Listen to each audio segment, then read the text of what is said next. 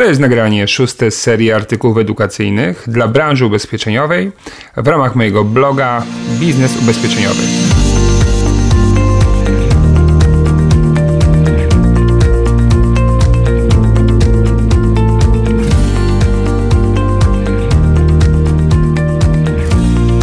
Celem moich artykułów jest wsparcie Twojego rozwoju zawodowego i pomoc w zwiększaniu dochodów w ramach sprzedaży lub zarządzania sprzedażą ubezpieczeń. W dzisiejszym nagraniu, a właściwie czytaniu mojego artykułu, zajmę się obecnie najczęstszymi praktykami związanymi z wdrażaniem i prowadzeniem agentów e, w naszej branży.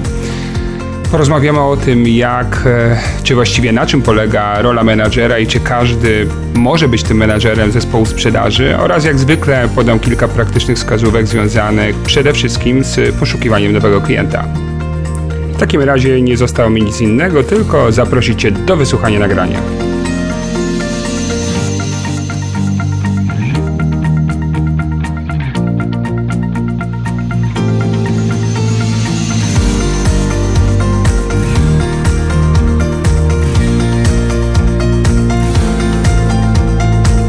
Lidy, czary i inne bajery, czyli jak zbudować Titanika, który pięknie zatonie. W sieciach sprzedaży kluczowe stanowisko to menadżer sprzedaży. Jego sposób działania, postawa i zaangażowanie wpływają na agenta w większym stopniu niż firma, w ramach której współpracują.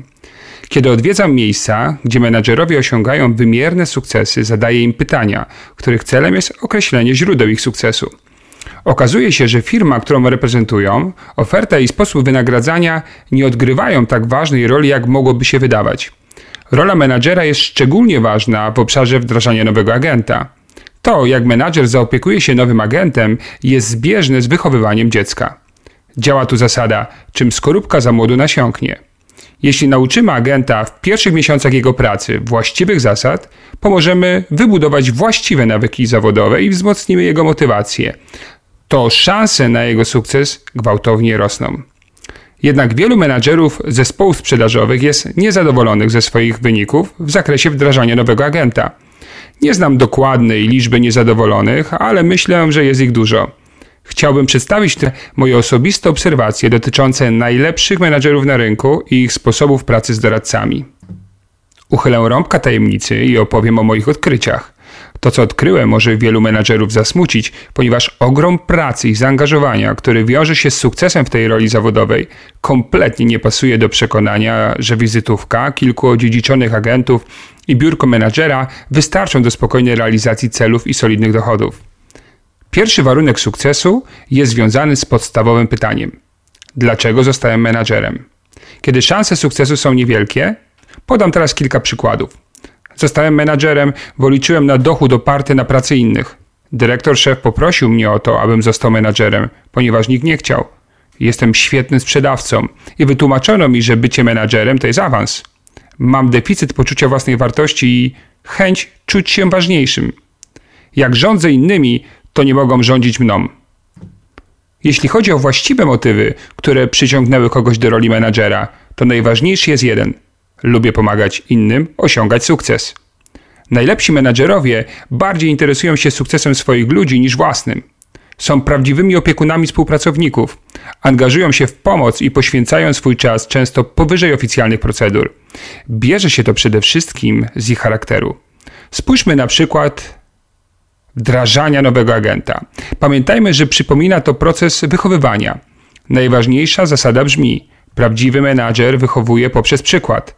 Żadne słowa nie pomogą, jeśli zachowanie menadżera będzie im przeczyło. Załóżmy, że menadżer uczy nowego agenta, że pozyskiwanie poleceń podczas spotkania z klientem jest bardzo ważnym elementem sukcesu agenta. Jednak podczas wspólnego spotkania sam o tym zapomina lub robi to w sposób niewłaściwy. Załóżmy, że menadżer wymaga punktualności, a sam się spóźnia. Załóżmy, że menadżer twierdzi, że bardzo dobra znajomość produktów, które się oferuje klientom, to podstawa, a sam ma luki w tym zakresie. Dlatego wszystkie osoby, które poważnie traktują bycie menadżerem, powinny przede wszystkim zadbać o własną postawę i sposób zachowania. Najsłabsi menadżerowie ciągle narzekają na swoich ludzi. Mówią, że współpracownicy są leniwi, nie dotrzymują słowa i są mało zaangażowani. Można powiedzieć, że eksportują problem na zewnątrz. Jest to oczywiście łatwiejsze i zabija ewentualny niepokój, ale z praktycznego punktu widzenia nie ma sensu. Jeśli menadżer zaliczy porażkę związaną z wdrażaniem nowego agenta, powinien zrobić rachunek sumienia. Czy określiłem z nowym agentem zasady współpracy ważne dla niego i dla mnie, które mielibyśmy wspólnie przestrzegać? Czy poświęciłem na proces wdrażania odpowiednią ilość czasu? Czy odpowiednio nauczyłem nowego agenta najważniejszych czynności w jego pracy, takich jak prowadzenie skutecznej rozmowy z klientem, umawianie spotkań i pozyskiwanie poleceń? Czy pomogłem nowemu agentowi zbudować sensowny biznesplan i czy ustaliłem z nim kalendarz działań? Czy wychwytywałem momenty zwątpienia i umiejętnie pomogłem agentowi odbudować motywację wewnętrzną? Odpowiedzi na te pytania powinny pomóc menadżerowi odnaleźć źródła porażki i wyciągnąć wnioski na przyszłość. Biorąc pod uwagę wszystkie czynniki wpływające na sukces w prowadzeniu zespołu sprzedaży, mogę powiedzieć, że najważniejsze jest to, w jaki sposób menadżer nauczył swoich ludzi zdobywania nowych klientów. Odwiedzam różne miejsca w naszej branży ubezpieczeniowej i obserwuję menadżerów akcji. Dzięki temu, że stoję z boku i świadomie analizuję sposoby rozwijania biznesu, mogę zebrać wiarygodne czynniki sukcesu, przeciętności i porażki, bo właśnie takie trzy wyniki można uzyskać w ramach sprzedaży ubezpieczeń. Niestety, powoli i nieubłaganie, niektórzy menadżerowie idą w kierunku hodowania inwalidów sprzedażowych. Podobno najważniejszą kompetencją doradcy mobilnego z naszej branży jest umiejętność znalezienia nowego klienta. A tu na każdym kroku pojawia się magiczne słowo lidy. Skąd bierzesz lidy? Ile za nie płacisz? Dam ci lidy na początek twojej współpracy z nami. Musisz zainwestować w lidy, żeby sprzedać ubezpieczenie. Coraz więcej nowych przedstawicieli jest wdrażanych na idei lidów sprzedażowych. Uczą się od pierwszego miesiąca współpracy, że ma to być ich podstawowe źródło pozyskiwania klientów. Idąc na łatwizny, menadżer hoduje inwalidę. Czym skorupka za młodu nasiąknie? To przysłowie w tej sytuacji brzmi groźnie. Pierwsze trzy miesiące młodego współpracownika to tworzenie jego nawyków sprzedażowych. Przyzwyczajając go do kupowania lidów, nie nauczymy naszego człowieka proaktywnego poszukiwania klientów. Potem zawrócenie przedstawiciela z tej drogi jest prawie niemożliwe lub bardzo trudne. Ktoś zapyta, co jest tym złego, że sprzedawca kupuje lidy? Przytoczmy kilka zagrożeń. Pierwsze. Niska rentowność. Co z tego, że dostał x złotych prowizji, skoro połowę wydał na lidy? Odejmując ZUS i resztę kosztów, zarobił mniej niż kasjerka w markecie. Ostatnio usłyszałem od jednego doradcy, że dzięki lidom zebrał w jednym miesiącu 10 tysięcy złotych składki w ubezpieczeniach indywidualnych na życie. Zarobił na tym 4 tysiące złotych prowizji. Kiedy spytałem, ile wydał na lidy, podał kwotę 1800 zł, czyli zostało mu 2200 zł minus składka na ZUS, koszty dojazdów itd. Niestety nie złapał refleksji, był zadowolony, że zrobił plan sprzedażowy. Po drugie, wiele źródeł nie gwarantuje jakości lidów. Duża część spotkań to spotkania umówione na siłę lub na granicy manipulacji klienta. Spora część spotkań nie dochodzi do skutku i trzeba tracić czas na reklamowanie lidów. Po trzecie, ryzyko wyschnięcia źródła. Może się okazać, że pewnego dnia zabraknie lidów, albo ich cena będzie absurdalna. Co zrobi wtedy doradca? Po czwarte, lead jest sprzedawany równolegle kilku firmom, przedstawicielom, głównie służy klientowi do porównywania ofert i powoduje sprzedaż opartą na cenie, a nie na jakości rozwiązania.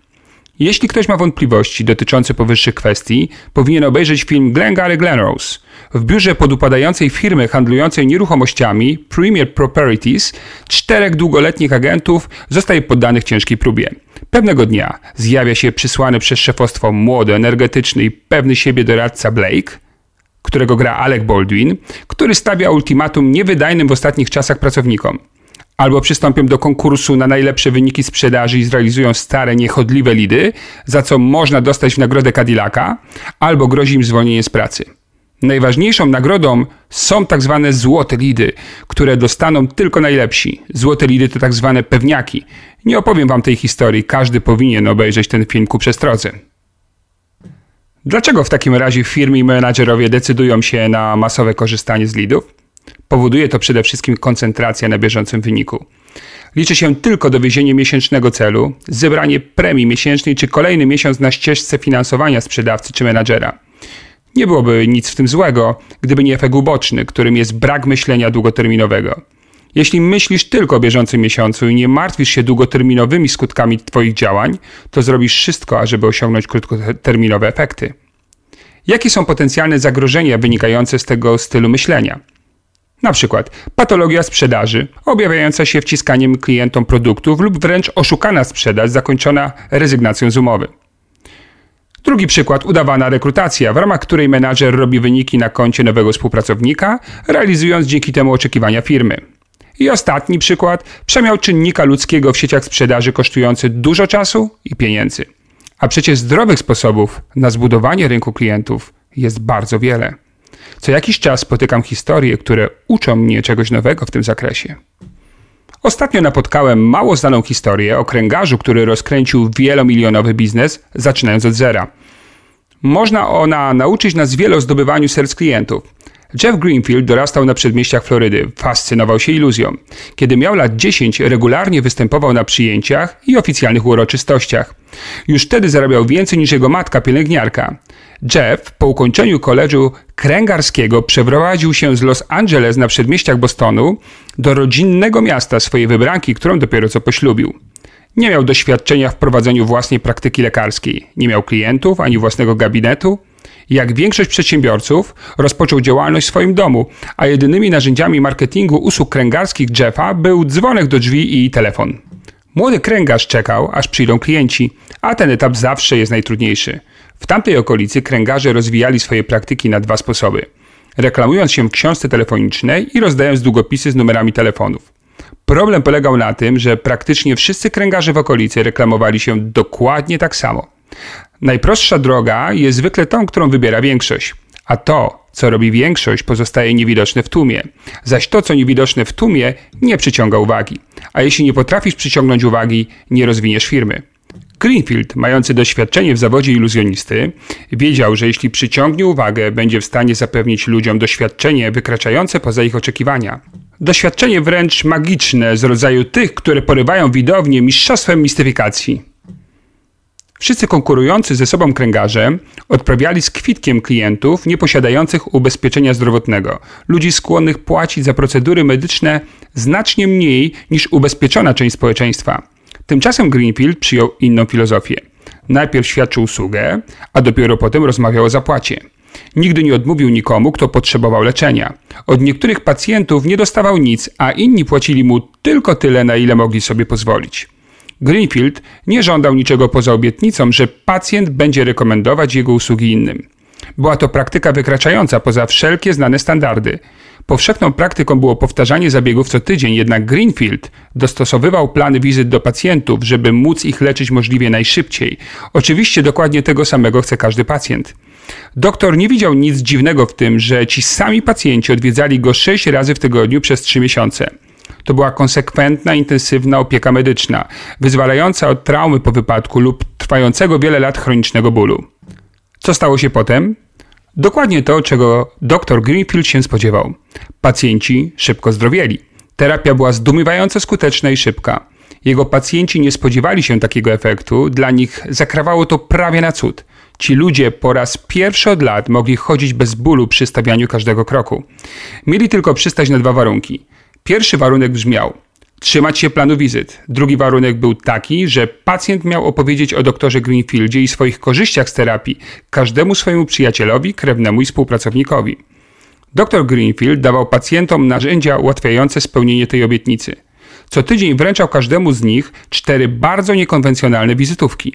Na jednej stronie widniał napis: Ta wizytówka uprawnia cię do bezpłatnego badania w gabinecie kręgarskim Greenfielda.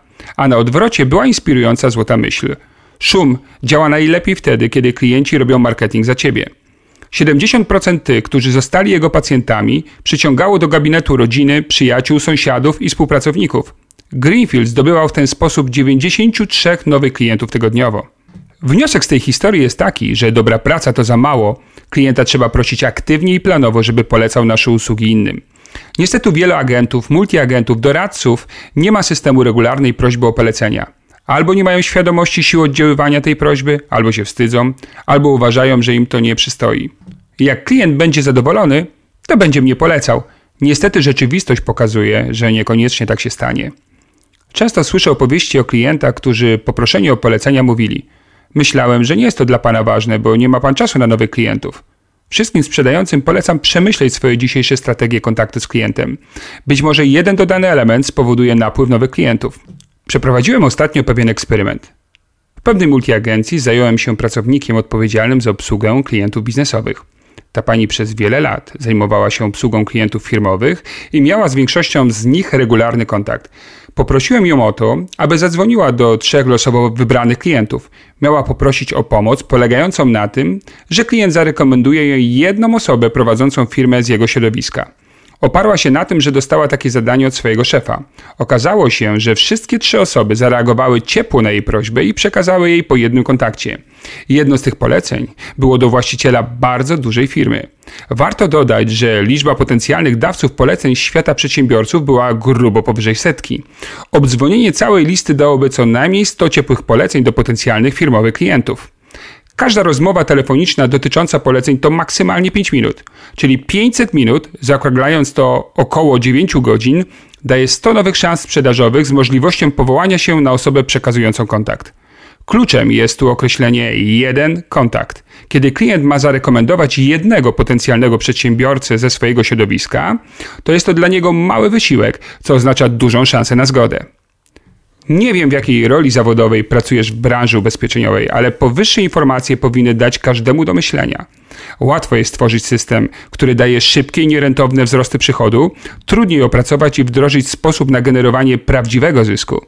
Wielu doradcom, menadżerom i agentom prowizja jawi się jako ich dochód, jest jednak ona tylko przychodem i dopiero skorelowany z nią poziom kosztów daje nam prawdziwą informację o naszych zarobkach. Pamiętaj więc, że w tym biznesie warto myśleć również o długoterminowych efektach naszych działań. Dziękuję Ci za wysłuchanie tego artykułu i życzę wielu sukcesów zawodowych. Jeśli uważasz, że warto, to będę bardzo wdzięczny za podzielenie się tym wpisem ze znajomymi. Poniżej możesz zarekomendować ten artykuł poprzez Facebooka, LinkedIna, Google+, i oczywiście e-mail. Pozdrawiam serdecznie i do zobaczenia.